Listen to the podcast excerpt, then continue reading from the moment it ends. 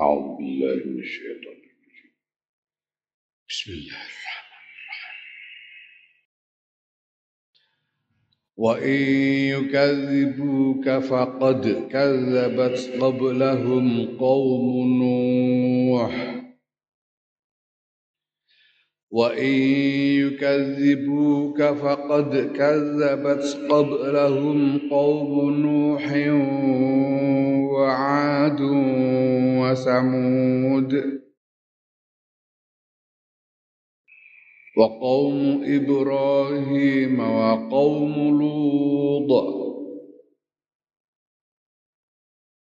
وأصحاب مدين. وكذب موسى. فأمليت للكافرين ثم أخذتهم. فكيف كان نكير؟ فكأي من قرية أهلكناها وهي ظالمة فهي خاوية على عروشها وبئر معطلة. فكأي من قرية أهلكناها وهي ظالمة فهي خاوية على عروشها وبئر معطلة وقصر مشيد. أفلم يسيروا في الأرض فتكون لهم قلوب يعقلون بها أو آذان يسمعون بها فإنها لا تعمى الأبصار ولكن تعمى القلوب التي في الصدور. ويستعجلونك بالعذاب ولن يخلف الله وعده.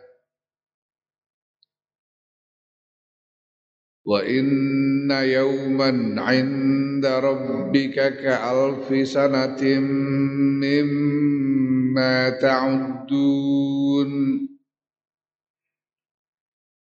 وكأي من قرية أمليت لها وهي ظالمة ثم أخذتها وإلي المصير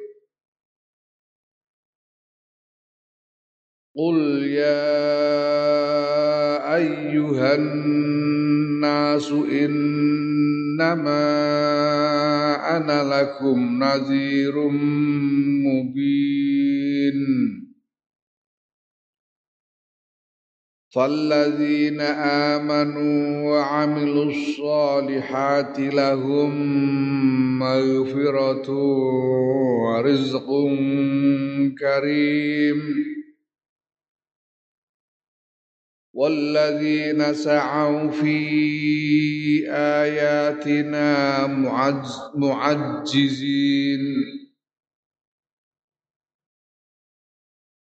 والذين سعوا في آياتنا معجزين أولئك أصحاب الجحيم.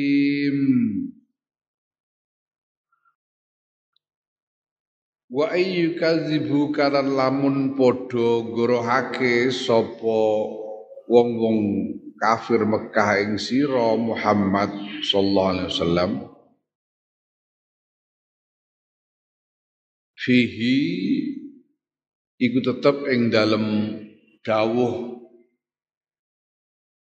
Wa ayyu kadzibu iki tasliyatun utawi penghiburan pengarmarem lin Nabi sallallahu alaihi wasallam maring kanjeng Nabi Muhammad sallallahu alaihi wasallam Gusti Allah ngarep-ngarep marang Kanjeng Nabi. Jalan Kanjeng Nabi nalika nyampeake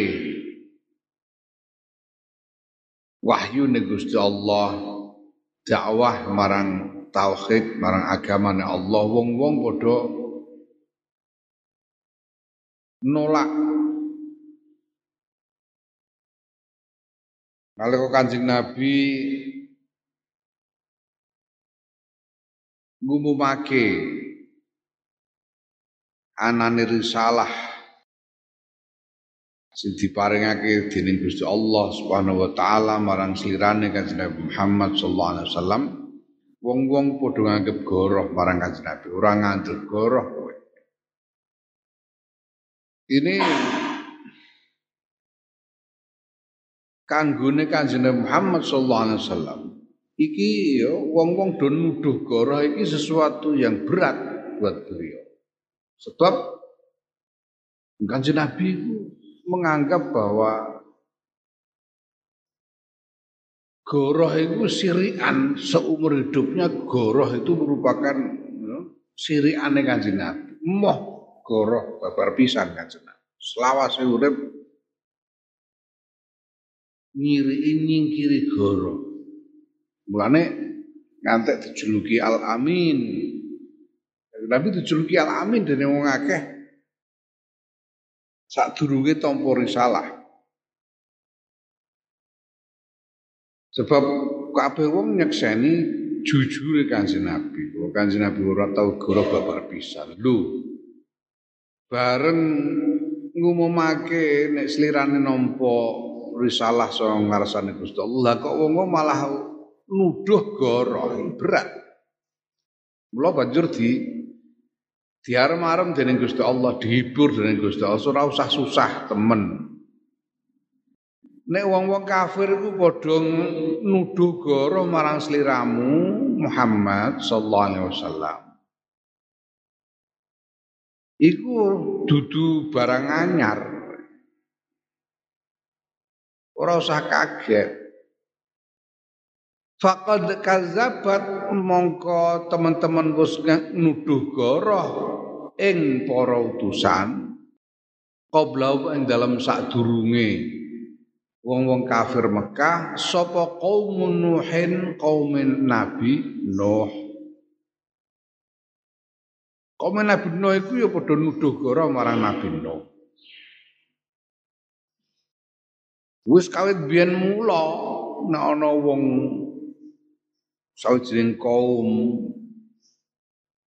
banjur ning kono dibangkitake utusan utusan Gusti Allah banjur. Pirang-pirang wong saka kaum iku nuduh utusan Gusti Allah mau goroh. Kawit zaman Nabi Nuh. Nah perhatikan ning kono kazabat iku ditaknis. Nganggo tak kadzabat nah, kok ditanes piye wong? Faile kaum nuhin faile kaum iku biasane muzakkar dianggap muzakkar kok fiile faile muzakkar kok fiile ditaknis. Iku piye lire? Kenae piye?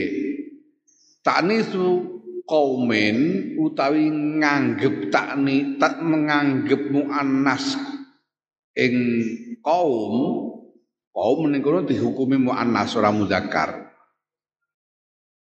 Iku bi dibaril makna kelawan ngibaratake maknane. Kelawan uh, memahami maknane kaum. Ya apa maknane kaum? Ku ai ummah. Maknane kaum ai ummatun. Faqad kadzabat qaum Nuh ai faqad kadzabat ummatun Nuh. Maknane ummah.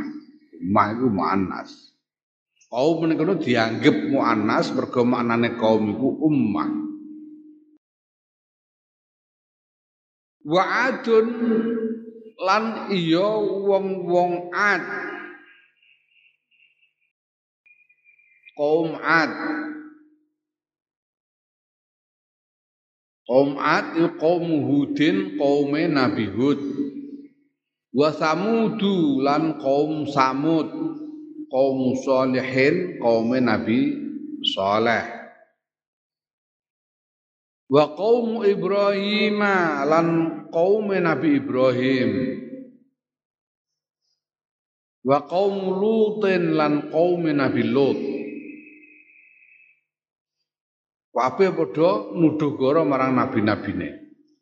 Wa ashabu Madian lan penduduk kampung Madian.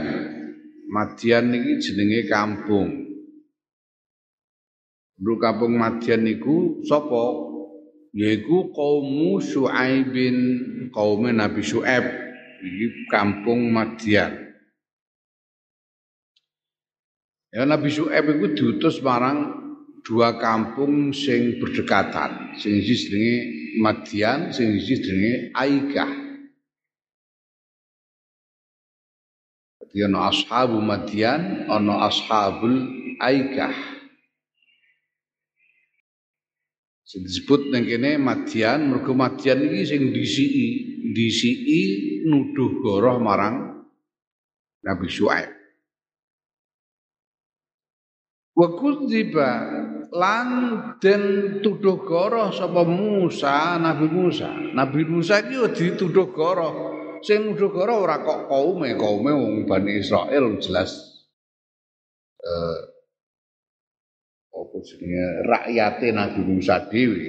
Sing nuduh karo sapa Firaun, Nabi Musa dituduh karo dening Firaun sak balane. Ya kadzdzabau nuduh karo ing Nabi Musa sapa al-Qibtu bangsa Qibti la kaumuhu ora nek kaume Nabi Musa yaiku Banu Israil, Bani Israel.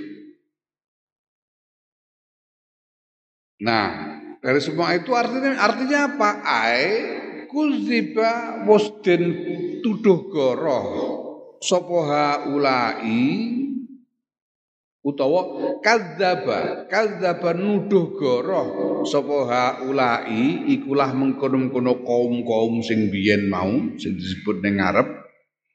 Nuduh goroh rusulahum ing pira-pira rasule kaum kaum Nabi Nuh nuduh Nabi Nuh goro.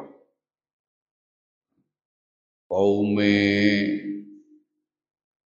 Nabi Hud yaitu kaum Ad nuduh Nabi Nuh Nabi Hud goro.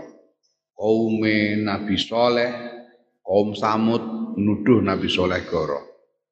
Kaum Nabi Ibrahim nuduh Nabi Ibrahim goro, kaum Lut yo kaum Nabi Lut nuduh Nabi Lut goro. Semenuga kaum Nabi Syuaib, wong Madian nuduh Nabi Syuaib goro. Nabi Musa iku ya Firaun nuduh Nabi Musa goro dadi wis eh, akeh tunggale. Iki wis kebiyen mula. Ya, mula ora usah ora usah susah nemen-nemen falaka mongko tetep kedue sira Muhammad sallallahu alaihi wasallam Oswatun utawi tepo tulodo teladan bihim kelawan rusul kelawan para utusan. Ora usah kaget, ora usah kok lho. Piye to wong iki wingi-wingi kudu apa ngandel Kanjeng Nabi ku. Nalika diperintahake supaya dakwah secara ngedek. Kanjeng Nabi munggah ning gone gunung. Banjur bengok karo wong-wong kumpul. Wong-wong kah di undangi kon kumpul kumpul kumpul aku. Ana sing arep tak sampekno.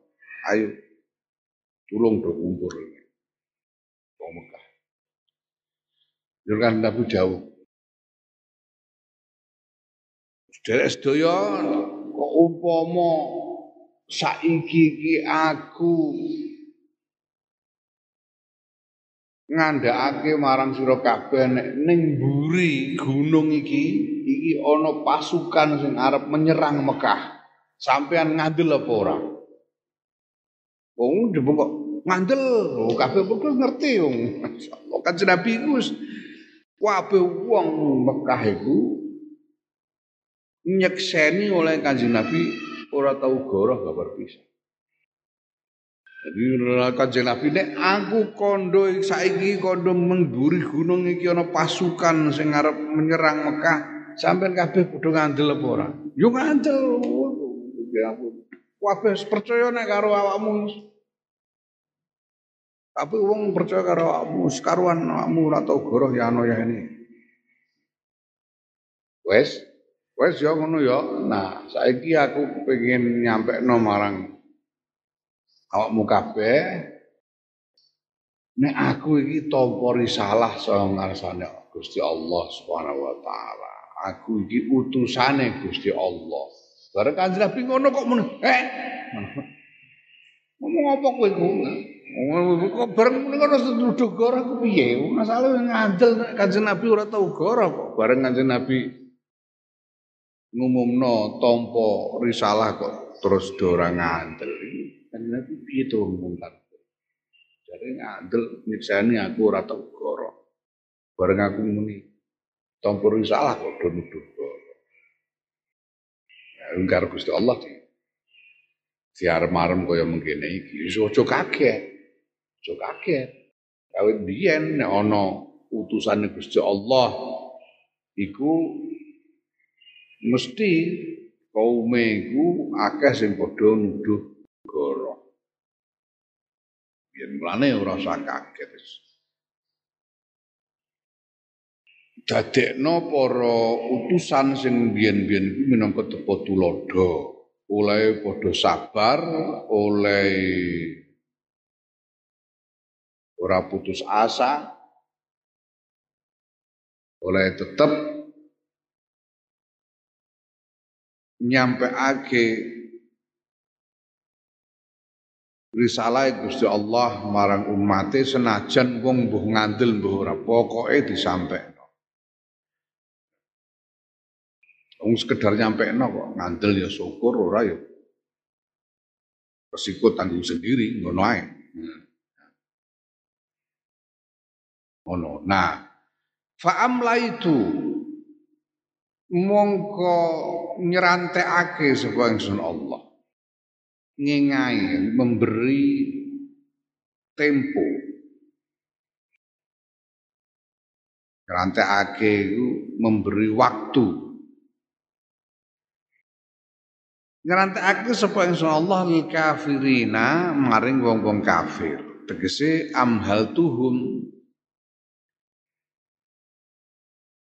nyerantekake sapa ingsun Allah ing wong-wong kafir ora kesusu bitakhiril aqiqabi kelawan ngakhirake siksa lahum maring wong kafir. Gusti Allah ora langsung nyiksa. Jadi kaya dawuh Kanjeng Nabi ora usah kemrungsung, ora usah mikir iki wong-wong padha nuduh aku goroh padha ngani ngoyo marang awakku kok dimbarno ae karo Gusti Allah ora usah mikir ngono. Kowe dimbarno ae karo Gusti Allah ora diapa-apa. Ora usah mikir ngono mergo Gusti Allah pancen nyeranteni. Gusti Allah ora kesusu nibake siksa. Memberi tempo kepada mereka. Orang-orang kafir itu Summa akhatuhum sakwuse distrantekake diberi tempo sampai batas tertentu. Summa akhatuhum nuli ngalap sapa ingsun Allah hum ing wong-wong kafir. Ngalap bila azab kelawan siksa. Ya fakaifa fakaifa kana mongko kepriye ana apa nakiri? Negara nakiri buang iya mutakallim nakiri pakai fakana nakiri monggo kepriye ana apa nakiri? Ingkar marang ingsun ai ingkari ingkar ingsun. Ora kok ingkar marang ingsun. Fakai fakal nakiri mongko kepriye ana apa ingkar ingsun. Ingkar kuwi tegese ai ingkari tegese ingkar ingsun alaihim ing ngatasé wong-wong kafir bitakdzibihim kelawan gorohake kelawan apa ditakdibim sebab gorohake nih wong-wong kafir. Oleh ngingkari biihlakihim kelawan binasake wong-wong kafir. Pakai fakana mau kepriye ana wis ana apa ing apa nakiri ingkar ingsun. Delok to sejarah. Delok to sejarah kaum Nabi Nuh nggorohake Nabi Nuh 950 tahun. Kaum Nabi Nuh 950 tahun nuduh goroh ngani ngoyo marang Nabi Nuh sak teruse. Ya asalnya diseranteni dening Gusti Allah, se, barang se. Tapi akhirnya piye? Tumpes. Banjir. Ya, delok kaum Ad kaum Nabi Hud. Asale do gorahke dislanteni karo Gusti Allah dibarno dibar. Akhire tumpes. Kaum Samud gorahke barno. Akhire ditumpes. Begitu seterusnya. Ya, kaum Nabi Syu'aib, kaum Nabi Musa kabeh. Kaum Nabi Ibrahim, kaum Nabi Lut diparingi waktu udah ora langsung ditumpes dening Gusti Allah tapi diparingi waktu sampai batas waktu tertentu. Kadang sesuai kaya kaum Nabi Nuh sangat sangat tahun diserantekake dening Gusti Allah. Tapi toh akhirnya ditumpes. Jadi banjur Gusti Allah dawuhi supaya delok marang sejarah kaum-kaum sing sadurunge kuwi piye coba caraku carane Gusti Allah ngingkari marang wong-wong kafir dengan cara membinasakan mereka. Ya. Nah, ning kono wal istifhamu ta istifham kuli taklid takriri krana arah netepake. Fa kaifa monggo kepriye? Fa kaifa kana monggo kepriye ana apa nakiri ingkar ingsun. Delok jajal. Piye jajal caraku oleh ku ngingkari wong-wong? Nah iki segote istifham bentuknya bentuk pertanyaan tapi pertanyaan yang yang menegaskan sebetulnya. Menegaskan kenyataan Ae tegese huwa utawi ingkar ingkare Gusti Allah iku waqiun tumiba mauqi'ahu ing panggonane ingkar. Ingkar marang wong kafir. Ingkar wal ihlak itu terjadi pada waktunya pada tempatnya pada waktunya. Ana mangsane kok dijanjeni Gusti durung tekane mangsane ya pembinasaan, siksa Allah kepada orang-orang yang menentang kebenaran, itu pasti akan ditimpakan pada waktunya, pada saatnya. Jadi ini mau diahu ini, ini isim zaman ini. Ya. Sim sama itu wahwa utawi ingkar utawa ihlak utawa iqab iku waqi'un terjadi mauqi'ahu ing dalam waktu terjadine. Ya, ing dalam waktu terjadine ihlak. Wis ditetokno kok waktune dan nanti akan terjadi pada waktunya. Itu terbukti pada kaum-kaum terdahulu. Mula itu juga akan terjadi pada orang-orang kafir zamannya Kanjeng Nabi Muhammad sallallahu alaihi wasallam. Dan memang nyata terbukti terjadi. Mereka tertimpa azab mulai dari terjadinya perang Badar sampai akhirnya mereka semua dikalahkan. Faka'ayin mongko iku pira wae min qaryatin utawi kampung ahlaknaha ya ka'ayin iku maknane ae kam ka'ayin iku maknane kam pira wae.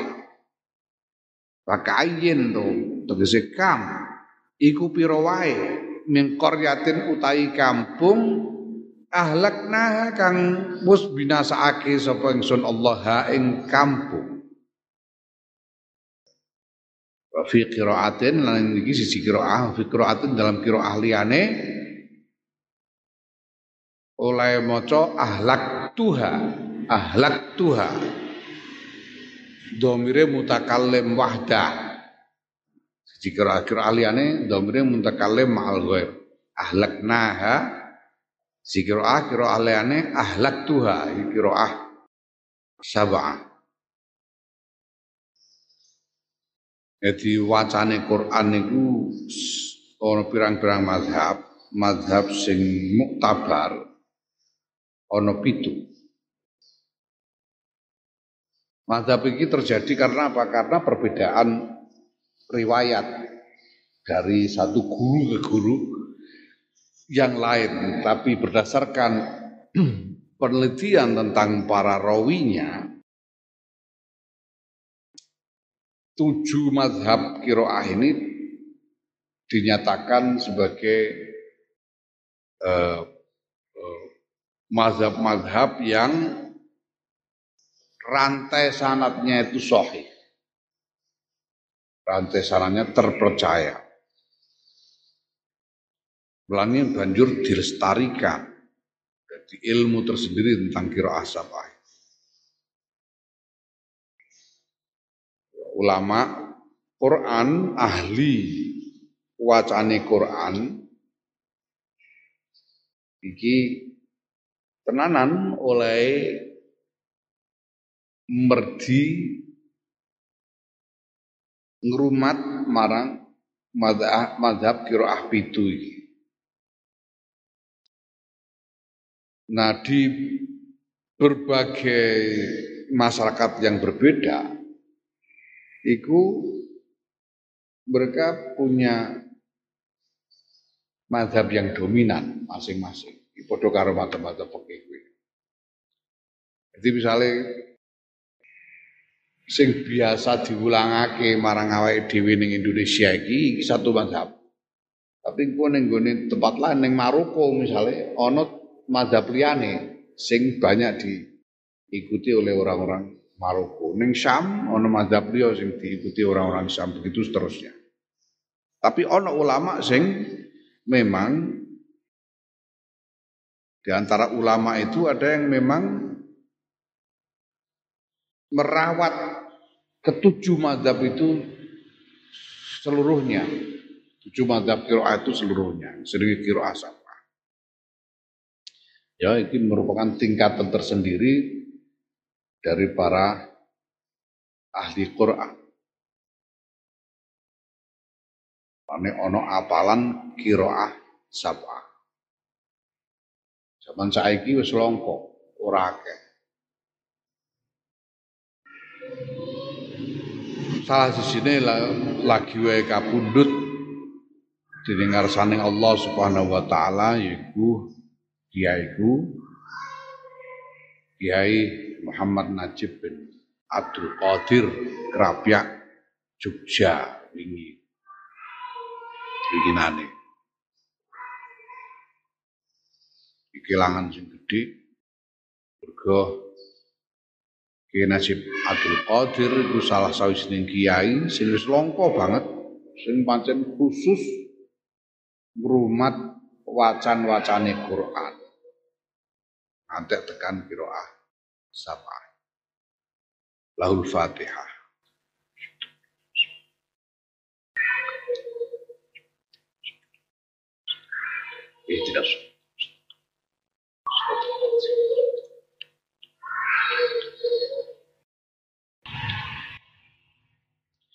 Iku pira wae utawi kampung kang binasakake sapa ingsun Allah ing kampung wa ya hale utawi kampung ku zalimatun zalim.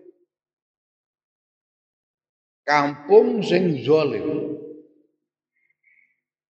Kampung berarti ono istilah kampung, ono kau, ono kampung, ono kau. Apa bedane kampung karo kau? Ini podo-podo tentang kumpulan orang banyak. Kaum itu maknanya kumpulan wong akeh, kampungku mesti ning kono ya ana wong akeh. Bedane ning dine, bedane nek ana kampung ning kono mengku makna suatu masyarakat yang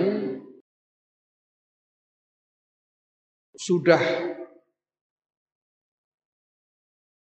teratur dengan suatu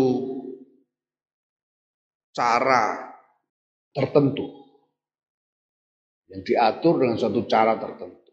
Jenenge kampung itu yang mesti ana pimpinane. Ning kono wis ana permukiman. Ana permukiman-permukiman panggonan wong manggon. Ana kegiatan ekonomi.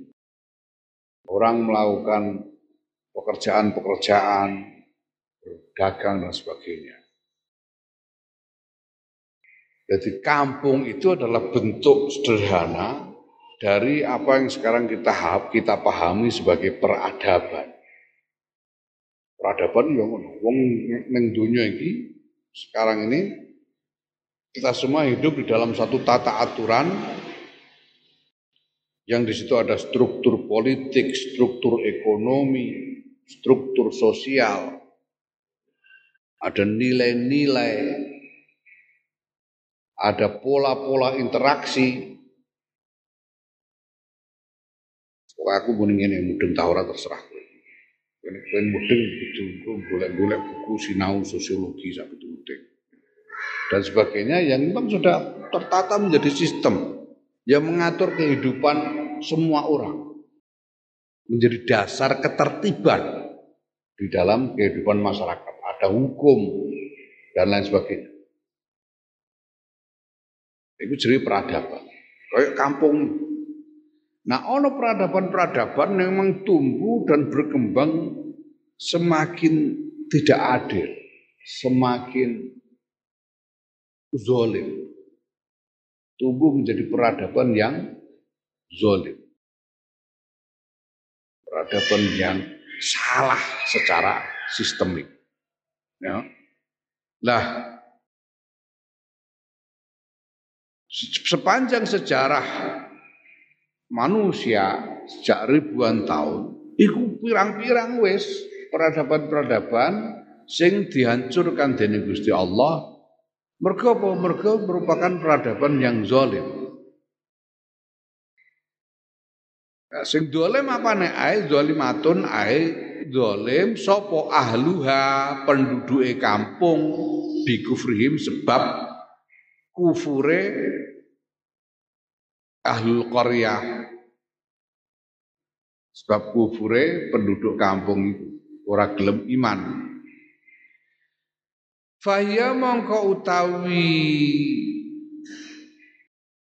qaryah iku khawiyatun rubuh runtuh ai saki kot saki totun saqitatun rubuh ala urusiha ing atase pira-pira payone peradaban.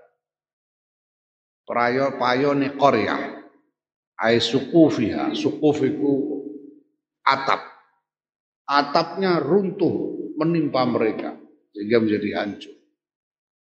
Ya, ibarat bangunan, bangunan sing atapnya ini runtuh. Atap ini bagian dari rumah yang melindungi orang-orang di dalam rumah itu dari berbagai macam ancaman, berbagai macam bahaya. Dari panas hujan. Sehingga membuat orang yang tinggal di dalam rumah itu aman dan nyaman karena ada atap. Tapi ketika dibinasakan oleh Allah, atap itu runtuh, blek, Ya sehingga menghancurkan yang tadinya atap ini sebetulnya. Atap ini sebetulnya dimaksudkan untuk melindungi mereka. Justru atap itu karena runtuh menjadi sebab kehancuran dari penduduk rumah itu karena tertimpa oleh atap. Khawiyatun ala urusyiha. Ya, wa bi'rim mu'attalatin wa kam lan iku pira wae mimbi'rin utawi sumur mu'attalatin kang suwo.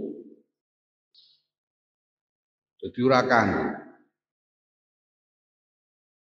Ae matrukatin sing tinggalake nganggur suwung bimauti ahliha sebab mati nih penduduke sumur. Iki didadekno ibarat karena ini akan mudah ditangkap oleh masyarakat yang pada waktu itu hidup di padang pasir. Padang pasir itu kita tahu eh, air adalah barang langka dan orang-orang pasti akan berusaha membangun hidup di sekitar air. Mulane ning nek ana sumur, iku banjur wong ya terus banjur mlupuk manggon ning kono supaya cedhak karo banyu.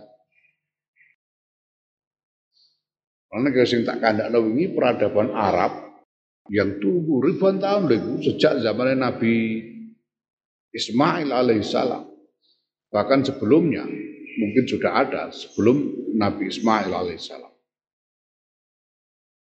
Masyarakat yang tumbuh, yang hidup di tempat yang sulit air. Banyu iku angel. Padahal sepanjang sejarah jenenge peradaban itu pasti tumbuh di tempat-tempat yang airnya melimpah. Delta-delta sungai, jedak dengan sungai dan laut. Di tepi-tepi, di lembah-lembah sungai besar, kayak Nil, peradaban Mesir itu tumbuh berkembang di eh, lembah sungai Nil. Ono peradaban Assyria tumbuh di lembah antara sungai Efrat dan Tigris di Irak. Apa peradaban? Peradaban Mojopahit itu tumbuh di lembah sungai Berantas berantas ya Bengawan Solo. Peradaban Mataram jelas di lembah Bengawan Solo, Mataram Islam. Kabeh tumbuh di tempat-tempat yang airnya melimpah. Dari Arab orang banyu. Orang banyu angel, orang orang banyu. Kok itu tumbuh peradaban besar menjadi awal dari tumbuhnya peradaban besar peradaban Islam. Mung bondo banyu apa banyu sumur zam-zam itu. di seluruh wilayah padang pasir itu ada berbagai macam sumur, ada sumur-sumur yang tadinya menjadi pusat berkembangnya satu masyarakat. Biasanya di mana di situ ada sumur, ada air, di situ menjadi pusat berkembangnya satu masyarakat. Orang datang tinggal di situ, mengembangkan kehidupan di situ. Tapi banyak sudah sumur-sumur yang nganggur, ada sumur yang sudah tidak ada lagi orangnya. Sumur yang sudah apa, terbengkelai, sumur yang terlantar karena ditinggalkan, karena sudah tidak ada tidak ada orangnya di sekitar situ. Ke mana orangnya? Modar semua. Karena ditimpa azab Allah Subhanahu wa taala. Itu di sekitar jazirah Arab itu ada sejumlah sumur yang seperti itu. Bi'rin mu'attalah. Wa qasrin lan bangunan masyidin kang dhuwur. Pira wae bangunan sing dhuwur, sing gede-gede.